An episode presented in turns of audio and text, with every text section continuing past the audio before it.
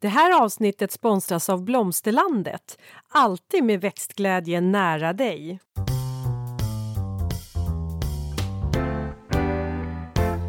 Välkommen till Ulrika och Lindas trädgårdspodd. Och det är jag som är Linda Kjellén, trädgårdsmästare. Och det är jag som är Ulrika Levin, trädgårdsdesigner. Idag, kära lyssnare, så är vi hemma på Åsby hos Linda. Eh, vi är fortfarande ute på vår poddresa, men i dagens avsnitt så ska vi faktiskt eh, prata om rosor. Ett fördjupningsavsnitt. Eh, vi har ju haft ett, avsnitt 52. Ja, nästan två år sedan vi hade det. Jag tror att vi hade det, då pratade vi med eh, var det Sara på Sofiero, deras mm. eh, trädgårdsdesigner nere på mm, Sofiero Det stämmer. Och det avsnittet kan jag verkligen tipsa om. För där tar vi upp det vi inte tar upp i det här avsnittet. Eh, det tog vi upp då, bland annat eh, om en del sjukdomar, odlingsvärda rosor eh, och lite grundläggande historia. Eh, så det kan jag tipsa om, eh, verkligen. Eh, sen kan man ju prata hur mycket som helst när det gäller rosor. Enligt mig i alla fall. För jag, jag tycker ju om rosor. Ja, enligt mig så kan jag nog faktiskt inte prata så mycket om rosor. För att jag har inte odlat särskilt mycket rosor. Jag vet inte varför jag inte har kommit med för det. Om det är eh, Alltså om, överhuvudtaget så har jag nog inte planterat så mycket buskar i min förra trädgård. Den var så full av växtlighet så att det fick bara inte plats.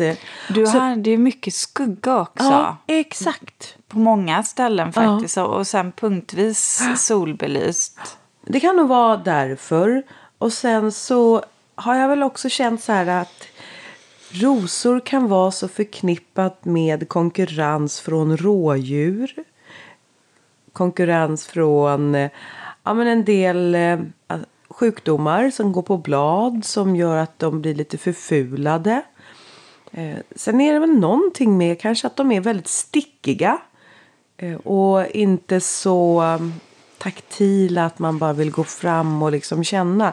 Men samtidigt, vet du vad nu, nu slår det mig, de, det är som en liknelse. Rosor är som, också som små valpar. Alltså man vill gå nära, man vill gosa. Men så har de de här små vassa små tänderna som man bara aj, aj, aj, aj, aj. Mm. Nej, det går inte att gå nära den här lilla valpen för den äter upp mig.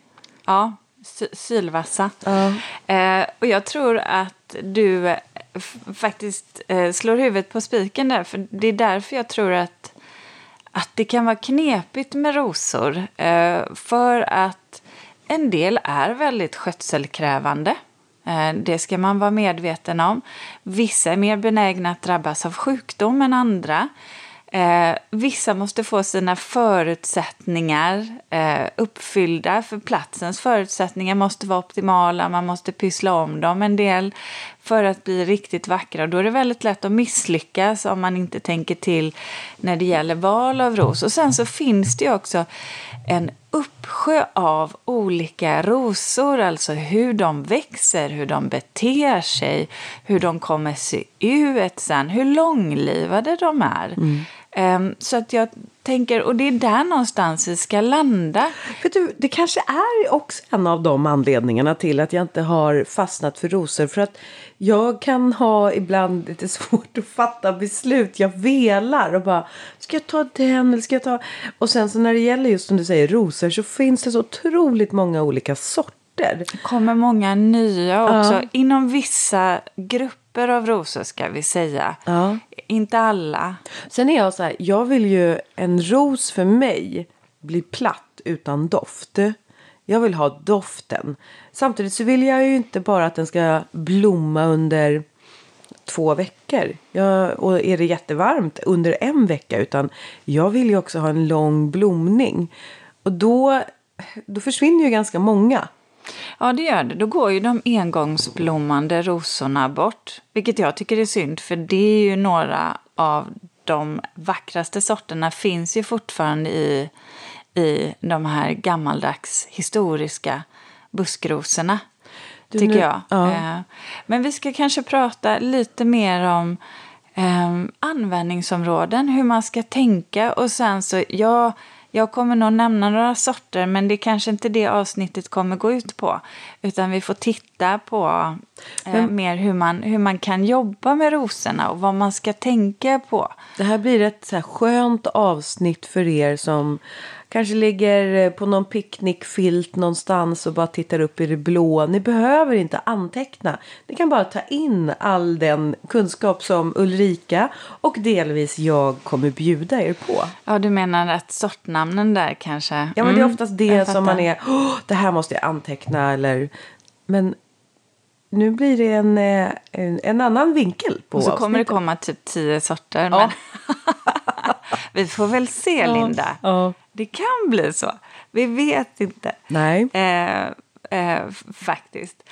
Men jag tänkte eh, att vi ändå börjar i den här ändan. Ska vi gå på rosavsnittet direkt, Linda? Ja, men det gör vi. Vi, ja. vi är ju på...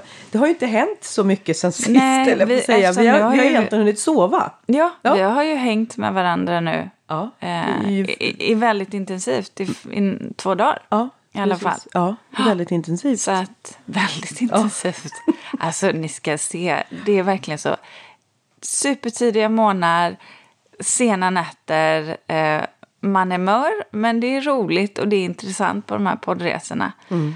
Eh, och det är ju någonstans också för att vi båda behöver gå iväg, komma iväg på semester. Och ja. då är det svårt att spela in podd. Mm. Mm. Får vi, vi klumpa ihop inspelningarna ja, och så sprider men vi ut dem. vi kör. Ja, men gör vi. Eh, för så här är det ju också när man ska titta på rosor. Eh, så är det ju så att vi har ju flera grupper rosor. Eh, vi har ju då de vilda, alltså rosorna, vresrosorna har vi ju.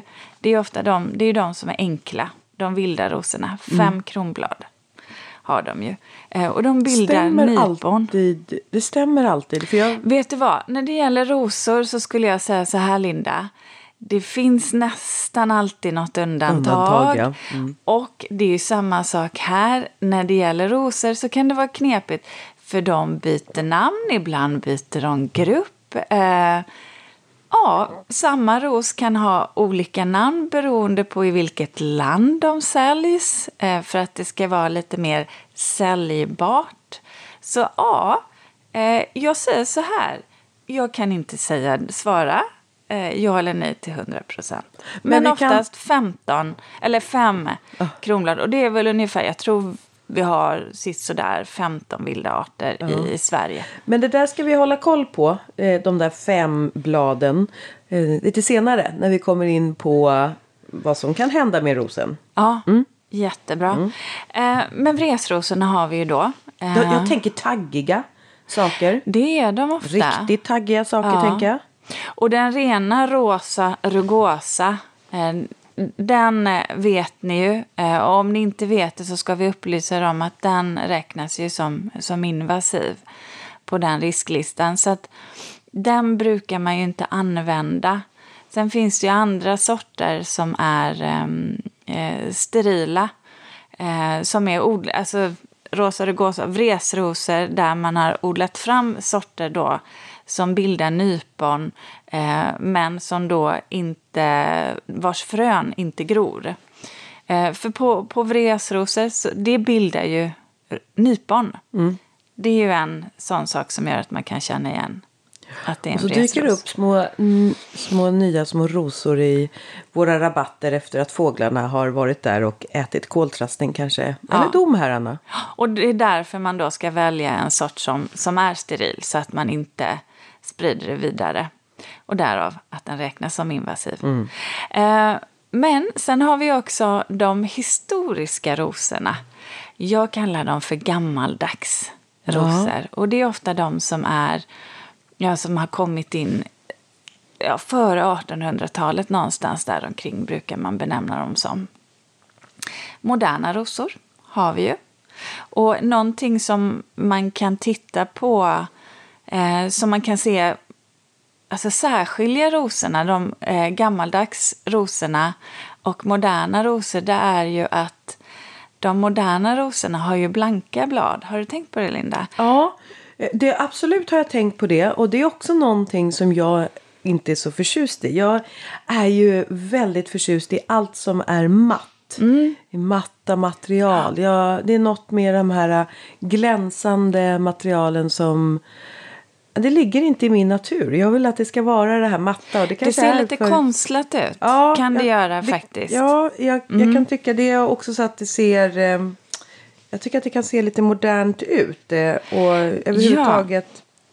Jag är inte så mycket för eh, eh, putsat och högskinande glänsande. Jag är inte mycket för smycken heller. Nej, som och, skiner. de, och de som kom där, när de här moderna rosorna kom där 50-60-talet, eh, som var blanka, de hade ju också mer färg i sig. Då, det var ju då de här gula, röda, orangea rosorna kom. Och sen med sina blanka blad. Medan de här historiska rosorna, många av dem har ju alltså kanske lite mer, går åt vitt, rosa. De kan absolut gå åt rött och karminrött och purpurfärgat. Men de här starkare färgerna kom med de moderna, eh, moderna rosorna faktiskt. Sen finns det inte så många kvar alltid från 50, 60 och kanske delvis 70-talet. För de blev också sjukdomsdrabbade Ah. till stor del. Så, så därav kan det vara ibland lite svårt att hitta du vet, namnsorter för att man har helt enkelt slutat att odla dem. Mm. Och då kan man väl säga att det är ganska säkra kort. De eh, historiska rosorna eller de gammeldags rosorna. Ja. Eftersom, jag menar det säger sig självt, de har överlevt och är friska. Ja, ja. Eh, Louise Odier är ju inte det till Nej. exempel. Än en gång, det finns undantag. Ja. Så att det beror till stor del vad det är man ska välja eh, och vad man har för förutsättningar där rosen placeras. Sen har vi ju buskrosorna. Vi har de storblommiga rabattrosorna. Eh, klätterrosorna, naturligtvis. Eh, kom ju mycket på 30-talet där. Och sedan har vi ju marktäckande rosor. Så det är väl de grupperna där som man brukar eh, dela in eh, Alltså förlåt, rosorna i. har jag, tänkte jag på något annat nu? Eller sa du rabattrosor? Eh, Du sa ja, bara buskrosor sa du va? ja, och storblommiga rabattrosor. Så där är vi eh, med grupperna. Sen har vi ju engångsblommande eh, och remonterande. Alltså återblommande. Sen, sen kan det också återigen, här kan det vara så att du kan ha en eh, historisk ros, en gammaldags ros till exempel som Stanwell Perpetual som egentligen har sin huvudblomning där juni, juli men definitivt kan sätta, eh, alltså blommar eh, igen sen men inte lika rikligt. Och många vill ju ha de här eh, remonterande, återblommande rosorna eh, som kommer. Och det är det man har satsat på i förädlingen. Men jag tycker att man absolut, absolut ska titta på de här engångsblommande också, för de är så vackra. Det finns också så många som doftar så himla eh, gott faktiskt. Ja, jag tror att var och varannan som lyssnar på oss nu har erfarenhet av honungsrosen. Ja. Den är ju helt enorm verkligen. Och då kan man sätta ihop och då blir det ju lite så här som vi har pratat om tidigare även när man jobbar med perenner eller vilken plantering du satsar på.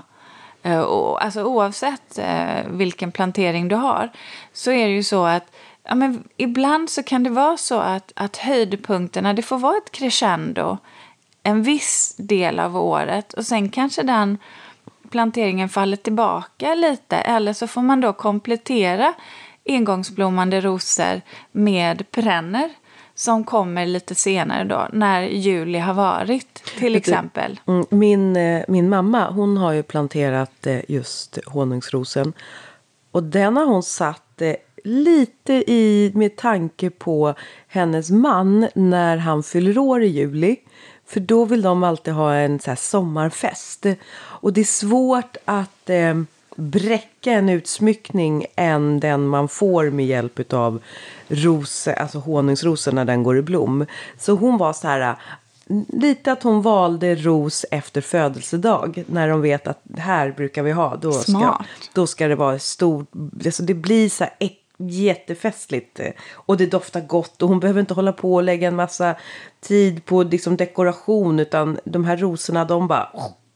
Så att det kan man göra. Eh, planera in eh, och köpa rosor som blommar när ni själva har era fester. Ja, och är man då borta mycket, eller så till stor del i, juli månad, ja då kanske man ändå ska titta på de här rosorna som kommer ganska tidigt, som blommar redan i juni, eller de som då är monterande, som blommar ända in eh, på hösten eh, sen. Så man inte åker ifrån allt, allt det vackra.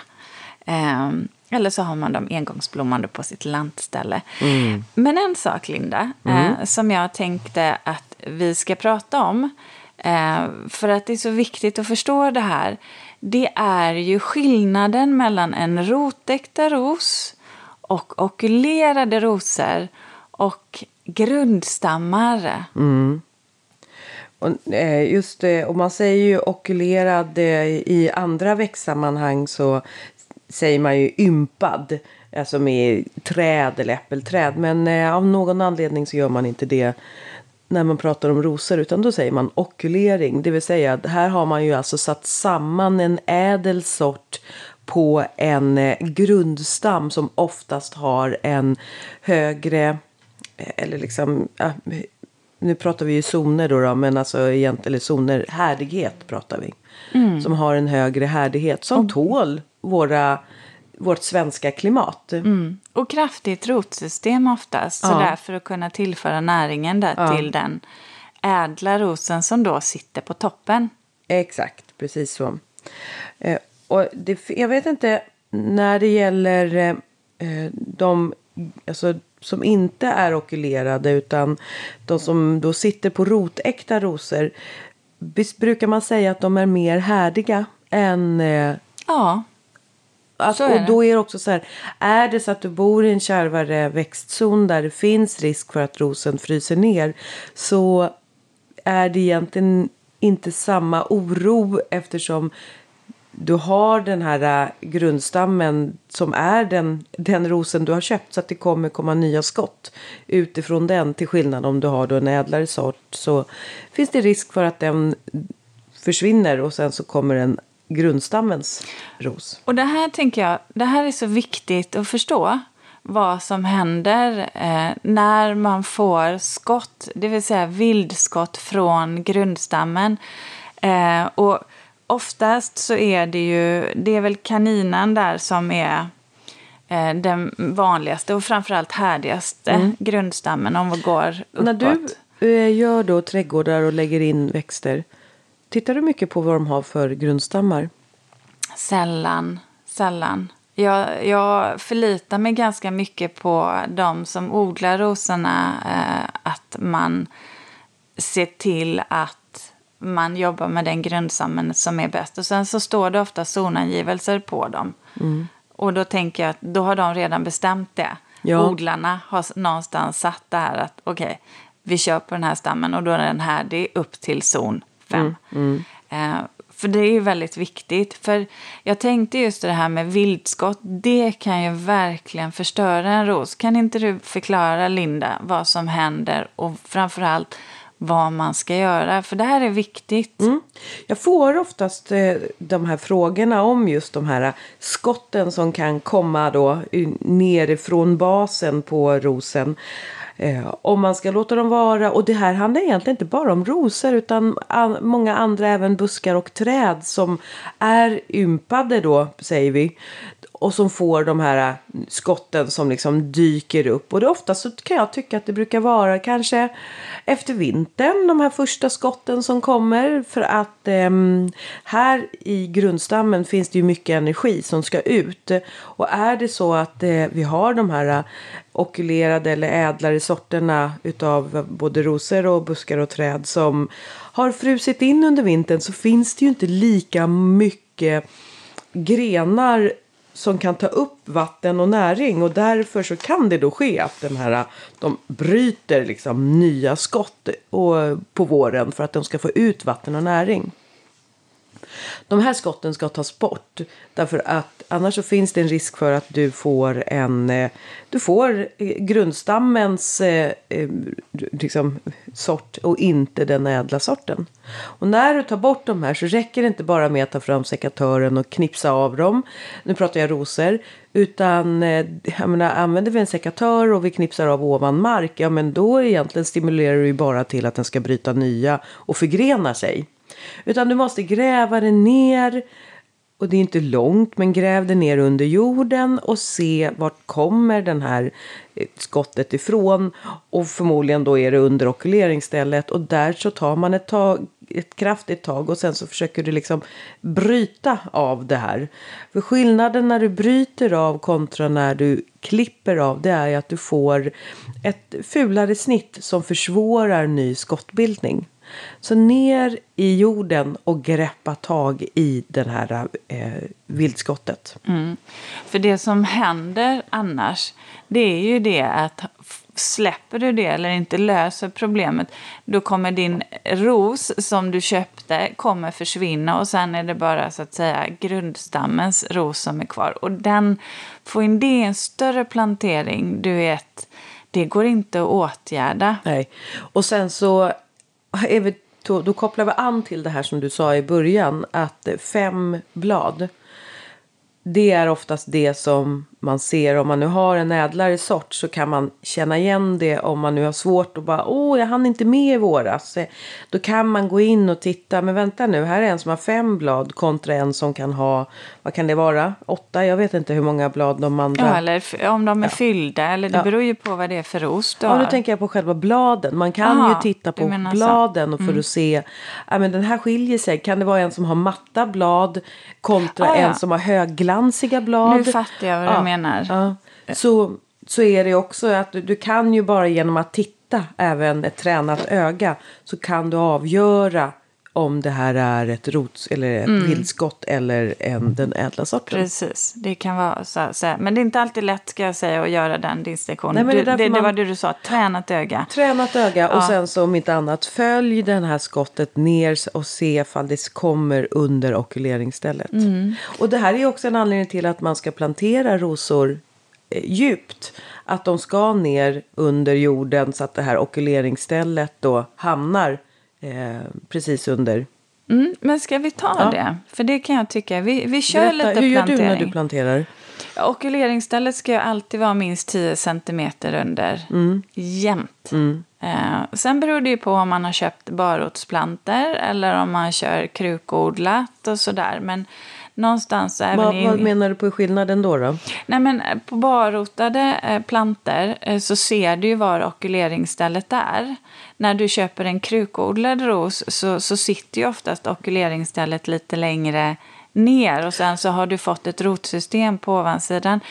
Då får man bara tänka på, då är det ju inte så att det är överkanten på jorden som ska ner 10 cm för då sitter ju okuleringsstället egentligen en bit ner. Men där kan det vara lite svårt att särskilja. Mm. Och där ser man ju oftast också på när man köper rosor i, i kruka så har de ju oftast en betydligt djupare kruka än vad en, en perenn eller en annan buske har. Och det är ju därför att man behöver få ner okuleringsstället. Så att de ska är ju oftast... sitta där då. De ska ju sitta på minst 10 Mm. redan där i krukan.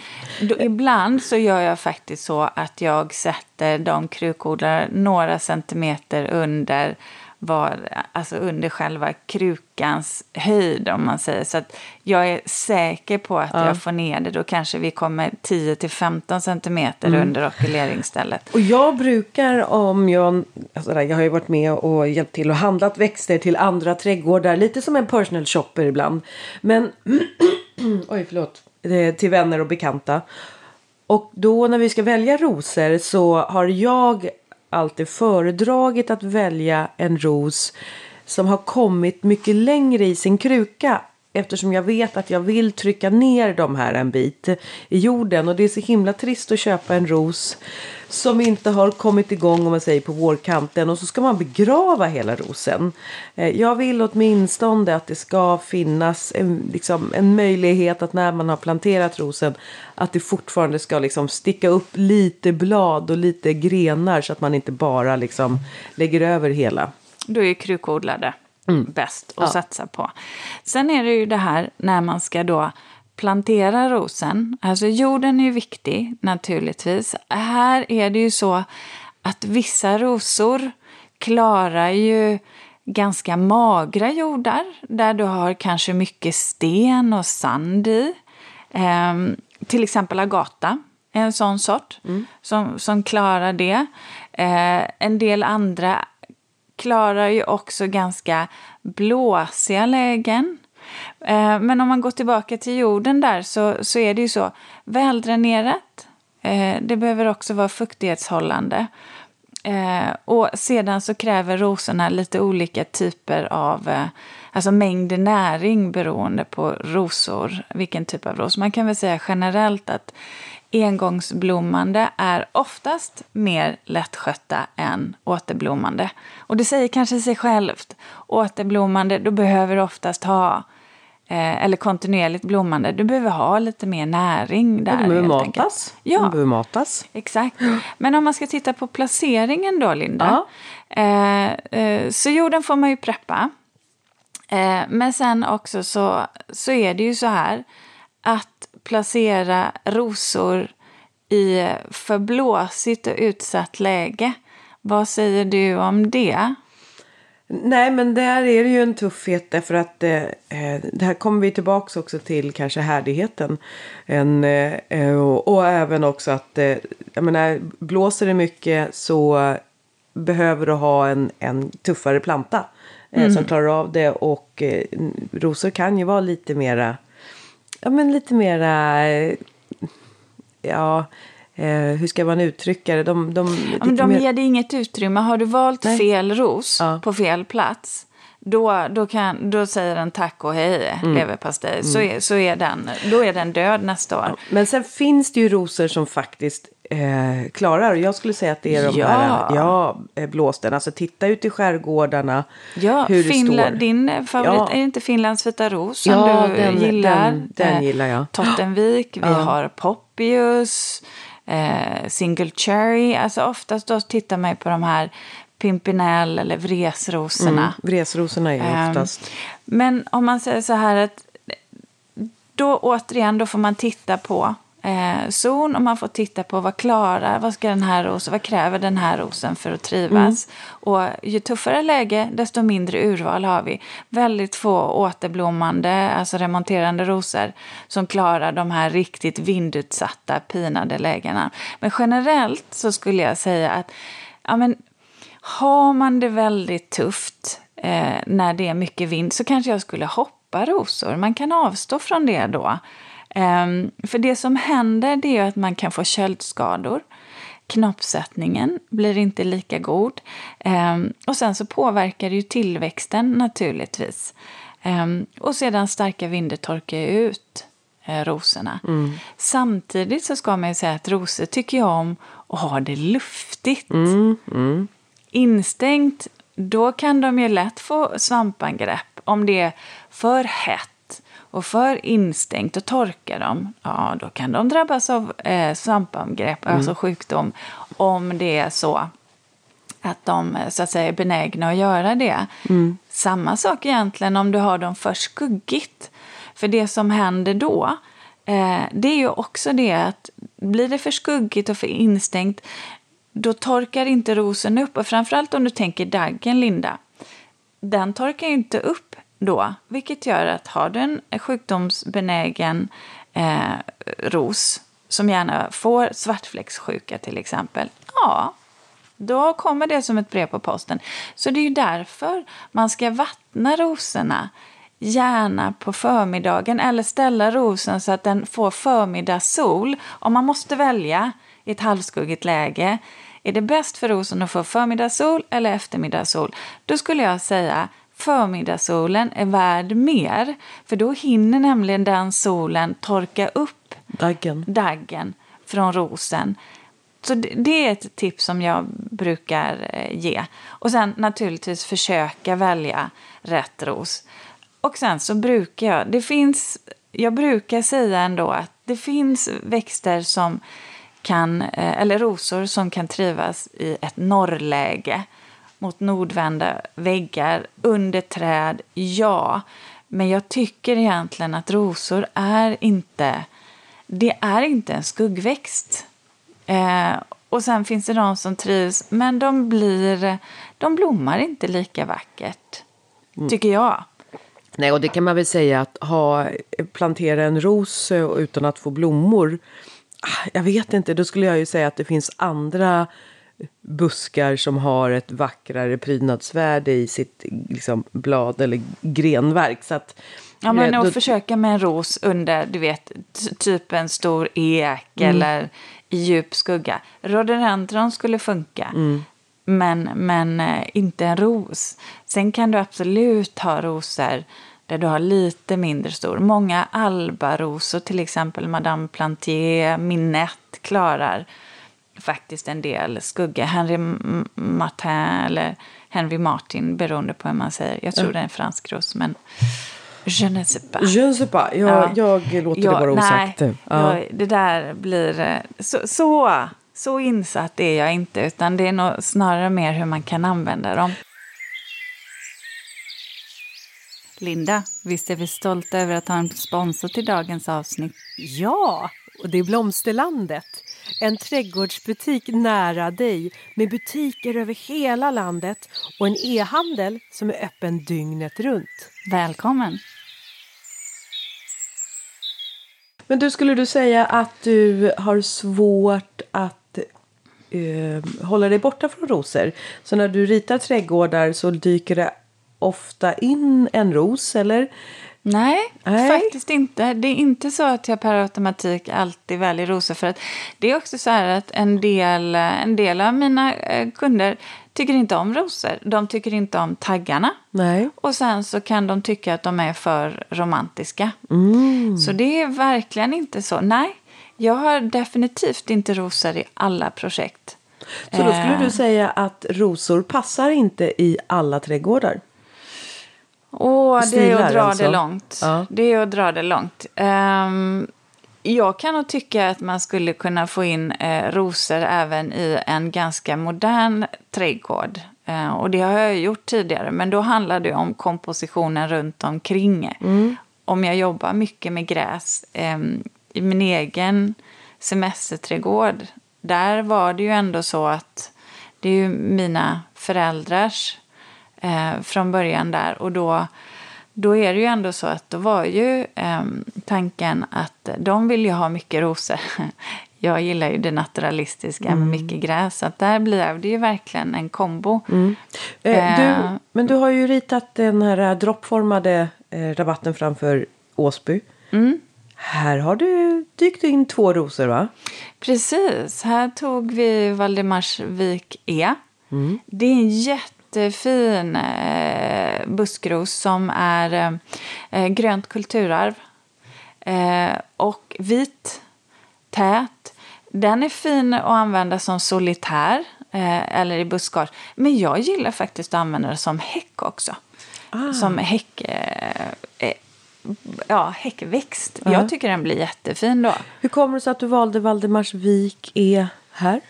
Eh, dels för att den var vit och sen att eh, det är ju en gammaldags historisk eh, ros. Och då tänkte jag, jag vet ju att du vill få in det och du hade ju ett önskemål att få in lite växter kanske också som, som hade en historia. Därav så kommer den in. Den tri, alltså, tål ju också regnet bättre eh, än en del av rosorna i samma grupp. Och sen kommer Risla de Feligon. Ja. också in. Och det är för att den är återblommande och för att den har lite den färgskalan som du gillar Linda. Lite aprikosrosa va? Ja, Eller går aprikosgul och sedan Gul. så blir den vit Ja, i den slutändan. Mm. Jättefin, otroligt tålig ros. Kan drabbas lite av eh, eh, mjöldagg på, på knoppskotten längst in eh, vid blomskotten där. Eller blomknopparna heter det ju. Mm. Eh, men väldigt, väldigt sällan att det blir eh, kraftiga angrepp. Då tror jag att då har man i så fall planterat den lite fel. Mm. Vad skulle det kunna vara fel? Jag tror att om den står för instängt, för fuktigt eh, eller där den också i ett norrläge där den kanske också riskerar att torka ut, då, tjena, då blir det nog lite svårt att hantera den. Vad har du för rosor i din trädgård här i Stockholm?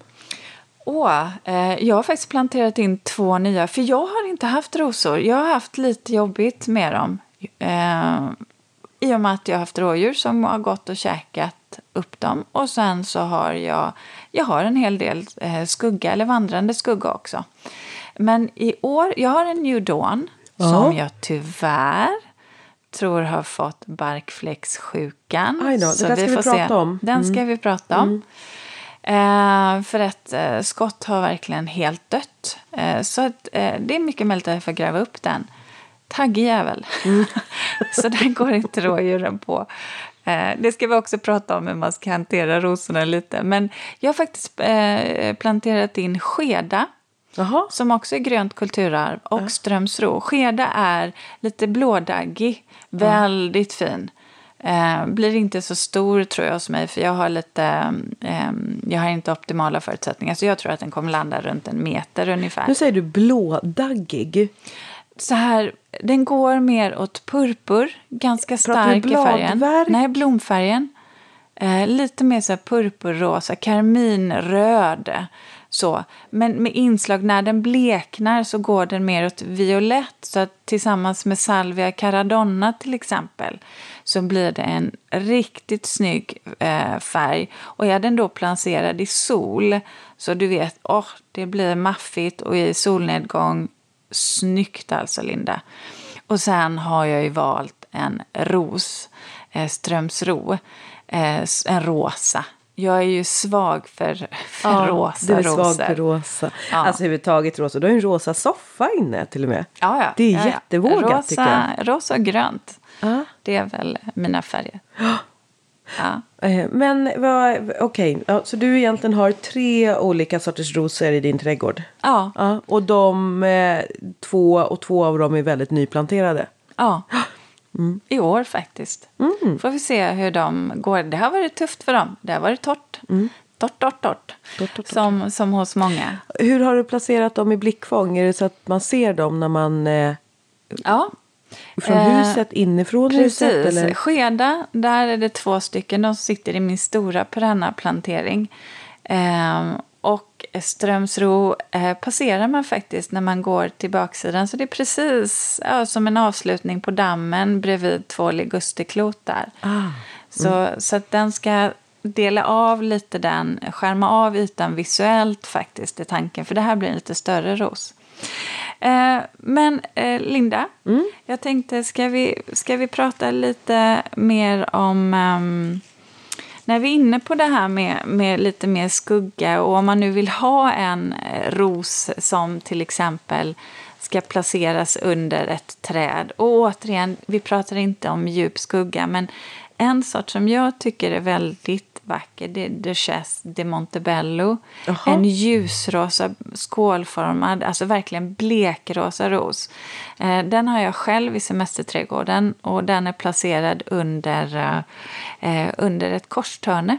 Och det funkar alldeles utmärkt då faktiskt. Och den eh, Men är det ger ju ingen kompakt skugga där under. Nej, och den står samtidigt, du vet, det är ett ganska blåsigt läge så den, får alltid, den kan alltid torka upp för det här är en ros som eh, den kan drabbas eh, av eh, svartfläcksjukan där. Men eh, gör det sällan om den blir endast milda angrepp och står den bra så är det inget problem. Jag kan ana det ibland där. Eh, men sen så tänkte jag att vad ska vi ta mer? Ska vi gå in på det här om man vill ha lite um, klättrande, alltså klättrande rosor? För jag tänker på pergola, bågar, portaler, mm. staket. Mm. Det är alltid trevligt. Alltså ja. lite omslutning där. Ja. Gå in genom tunnlar, typ. För du nämnde ju honungsrosen. Mm. Och det är ju en riktigt kraftigväxande rackare.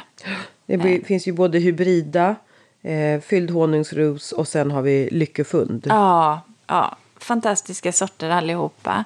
Det man ska tänka på när man väljer kanske en, eh, rosor som ska vara vid en portal Eh, det är ju det att man måste tänka på att har du en portal som har en höjd på 2,5 meter, säger vi, rakt upp, ja, då måste ju rosen vara minst tre meter hög. Går, du sedan, går portalen eller bågen sedan över så måste du addera också den eh, så att säga bredden på portalen. Säg om den är två meter. Ja, då måste du ju nästan ha en ros som kan bli ungefär ja, tre och en halv, fyra meter nästan för att rosspetsarna då ska kunna mötas i mitten där mm. och täcka in hela portalen.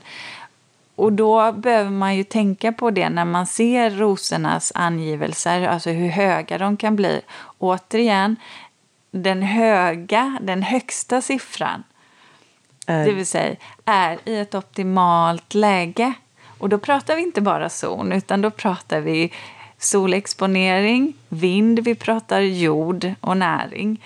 Så att där måste man verkligen titta på vad, vad så att säga, kommer det funka då så att man inte får en ros som kanske kommer två tredjedelar upp på den här portalen. Det är inte så roligt. Um, och sen så brukar jag alltid vid portaler eller vid stolpar, vid en pergola, så sätter jag ofta två rosor vid varje stolpe. För att? För att jag verkligen ska veta att den täcker in och att den går upp. Och om någon skulle frysa tillbaka lite mer så har man alltid nummer två, så att mm. säga. Och det här kan man... Eh, man kan klippa in just klätterrosor ganska tajt faktiskt, beskära dem så att de kommer ganska tajt mot Så flygplansmotorer alltså? Ja, man kan till och med slingra dem runt om man vill det mm. för att få dem riktigt, riktigt tajt. Um, när jag sätter dem längs med väggar, när jag väljer rosor till väggar och spaljer och så här, då kan man ju sprida ut dem liksom lite precis som man vill och man kan formklippa dem. Men då kan det vara viktigt att kanske inte välja en för stor ros. Att ta en honungsros som drar iväg jätte, jättelångt om du bara vill ha en ros som kanske blir max två meter. Det är klart, du kan ju alltid hålla på och beskära den men jag tycker, det är synd, alltså jag tycker det är bättre att välja en ros som passar, passar för de förutsättningarna man ska ha. Ja, absolut. Det är svårt att jobba emot eh, naturkrafterna. Ja. Ska du välja, eh, säger vi, har du nu en spalé och eh, till exempel har, eh, men du har en altan så du kan inte ha, eh, du kan inte stoppa ner rosen i backen. Då kan du jobba med, eh, jobba med det i, i kruka. Ehm, även om du vill ha, det behöver inte vara en klätterros, du kan ju ha en buskros. Eh, då är det att tänka på att man har stor jordvolym eh, och undvika att, att jorden torkar ut. För då, då är det återigen, eh, det kommer stressa din ros.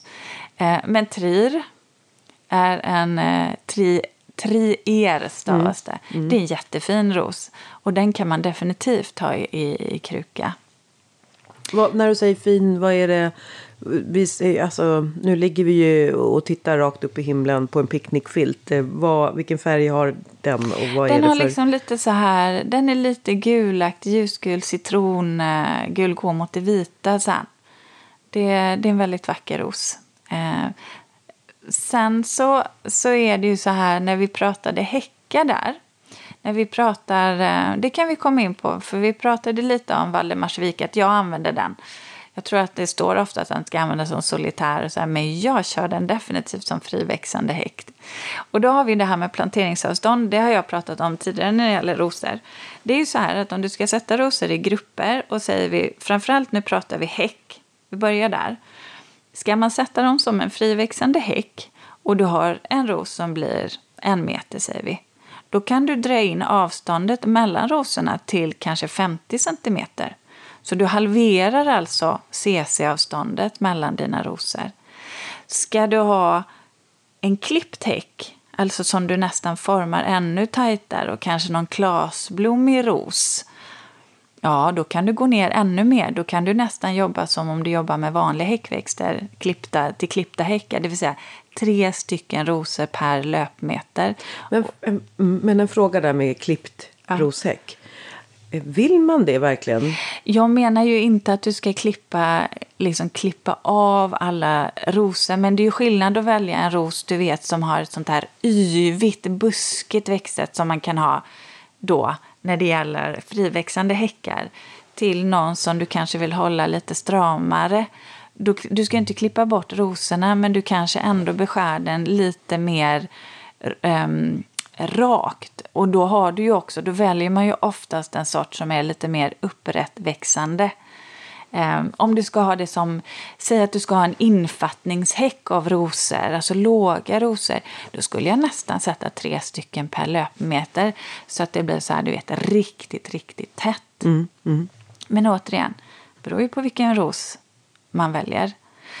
Ska du sen sätta rosor i grupper om tre eller fem, ja då kan du egentligen kanske jobba med ett planteringsavstånd som är 75 till 80 centimeter eh,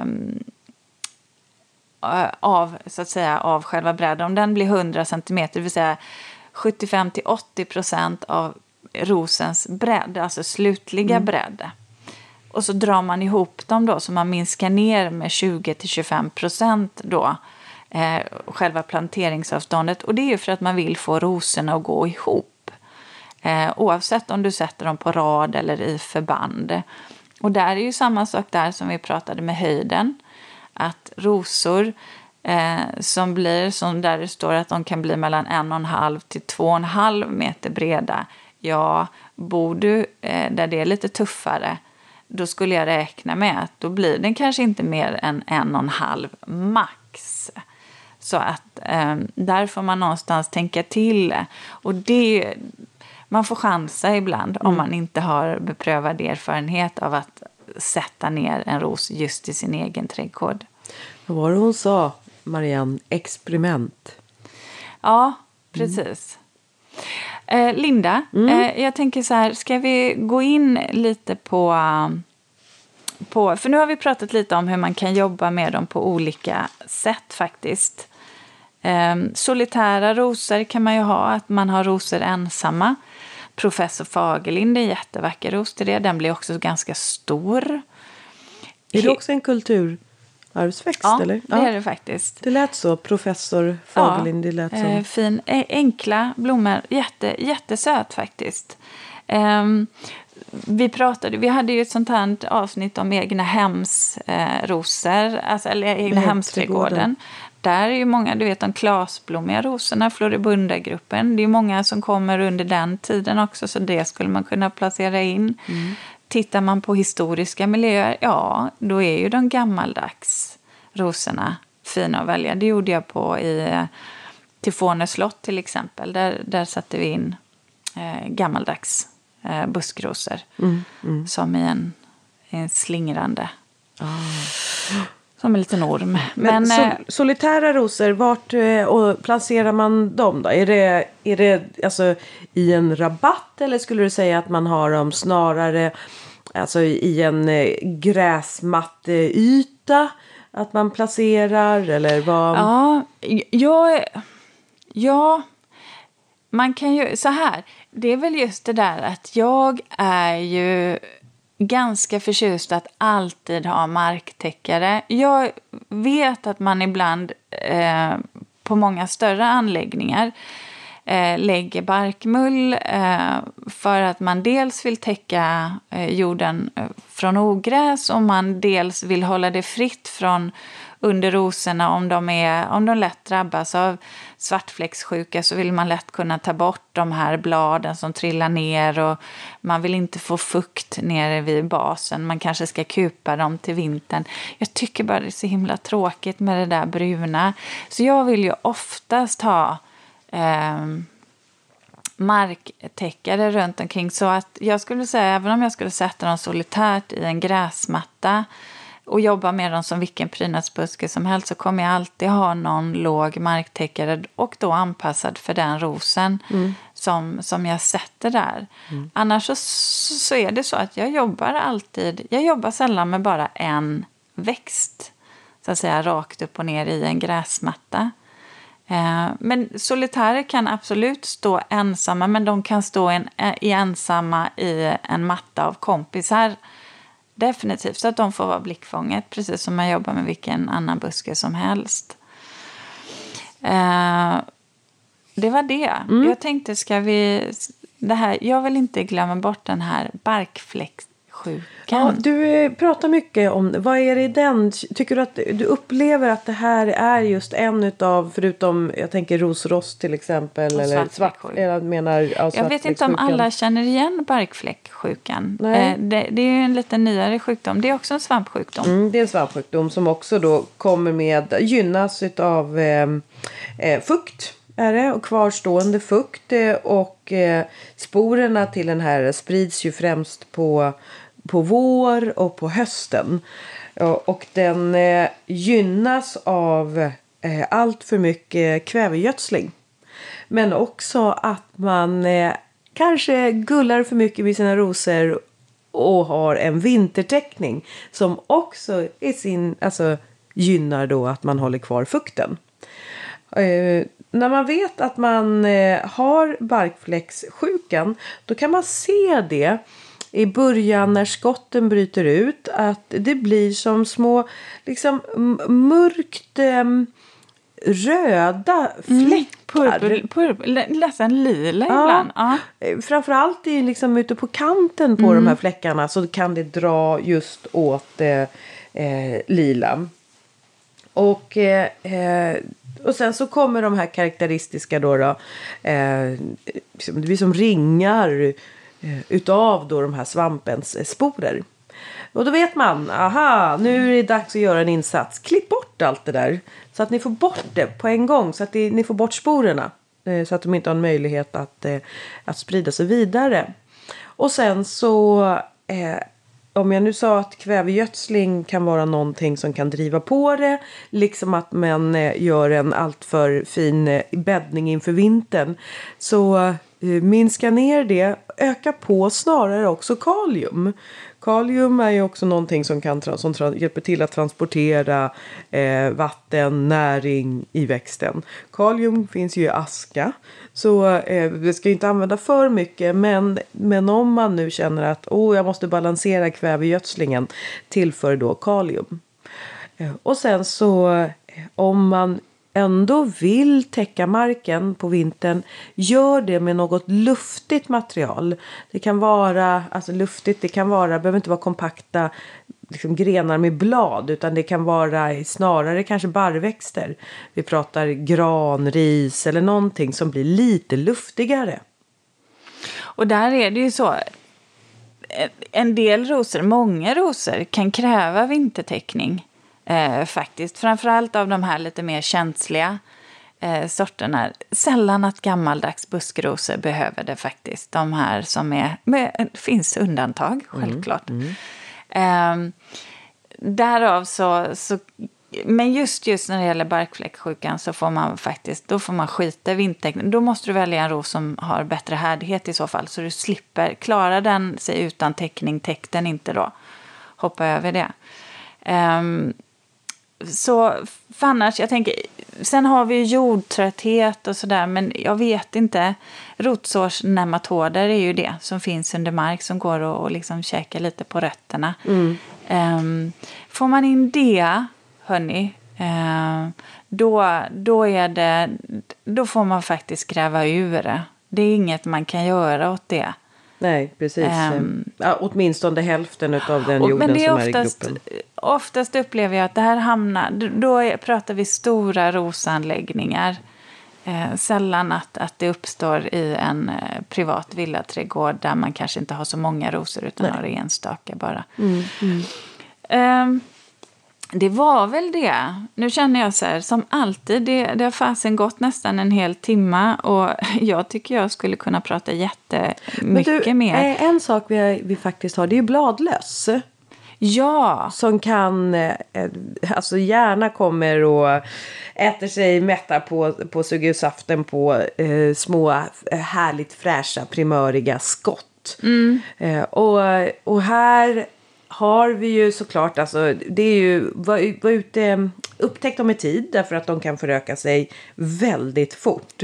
Så upptäck dem i tid, sitt nära era rosor, eh, ta på dem lite, vinkla blad, skott för att upptäcka. De är oftast kamouflerade i samma gröna härliga färg som, eh, som skotten. Och sen så eh, tar ni och eh, ja, men antingen klämmer ihjäl eller eh, tar eh, såpavatten och sprayar. Men vi kan ju alltid också bjuda in nyttodjur i våra trädgårdar. Och ett nyttodjur som går på bladlöss och som också kan vara ett första tecken på att man har bladlöss. Det är om man börjar se nyckelpigor. Vad, vad säger du att... Eh, vad ska man göra för att bjuda in nyckelpigorna? eh, framförallt att ha vårblommande, tidiga vårblommande eh, växter som eh, eh, du kan ha snökrokus, olika typer av krokus, sälj, för att de käkar nämligen pollen när de vaknar. Eh, så att det behöver de. Och sen ha lite boplatser åt dem. Eh, egentligen som ett insektshotell eller någonting där det kan vara lite skräpigt, lite skrymslen där de kan trivas. För de ser ju lite olika ut. En nyckelpiga har ju som många insekter olika faser i sitt liv. Eh, Så, så lär er lite hur, kolla, jag skulle faktiskt rekommendera också, googla hur en nyckelpigelarv ser ut. För det tror jag är någonting som ni kanske lätt skulle klämma ihjäl annars. Den, ser, den ser inte alls ut som en nyckelpiga. Nej. Då. Nej. Eh, så det kan jag rekommendera. Det är jätte, jättebra eh, att främja nyckelpigorna. Vi kan Faktiskt. också nämna din hashtag biodiversitet i, I trädgården. trädgården. Absolut. Eh, om man går in på Instagram alltså. Ja. Sen så, vi hinner inte prata beskärning, Linda. Nej. Det, det, vi kanske kan ta så här när vi tar ett beskärningsavsnitt att vi pratar lite extra om rosor. Det jag kan bara säga är att när man ska beskära, vi pratade ju om New Dawn som jag har hemma själv, som är en riktigt taggig grej. Eh, kan också vara jättefin att ha på staket, Linda, och låta den klättra där. Ah. Ehm, då, alltså såna här små vanliga trädgårdshandskar funkar inte. Det här är grova tät, alltså arbetshandskar som gäller. Och ha gärna glasögon och någonting som täcker ögonen för att den har, jobbar man med rosor som har så kraftiga taggar, alltså man kan göra sig illa på riktigt. Så var försiktiga. Du, jag, eh, kära lyssnare, du och du Linda och alla andra som lyssnar nu. ehm, nu kommer jag säga ett litet forcerat hej då. Ja. Vi hinner inte med någon reflektion idag. Nej. För att vi ska faktiskt iväg på nästa, eh, till nästa Gäst gäst. i Ja. podden. Vi ska sätta oss i bilen och Ja, åka och det är iväg. pronto faktiskt. Ja, det är det. För vi har Ja. en tid att passa om 15 minuter Ulrika. Då ska vi sitta där. Ska vi sitta där? Ja. ja. Så tack och hej. Vi hörs igen om en vecka. Ja. Hej då! Hej då! Ja, nej, nu är, Nu är det bråttom igen. Och Peter ska hinna packa ihop.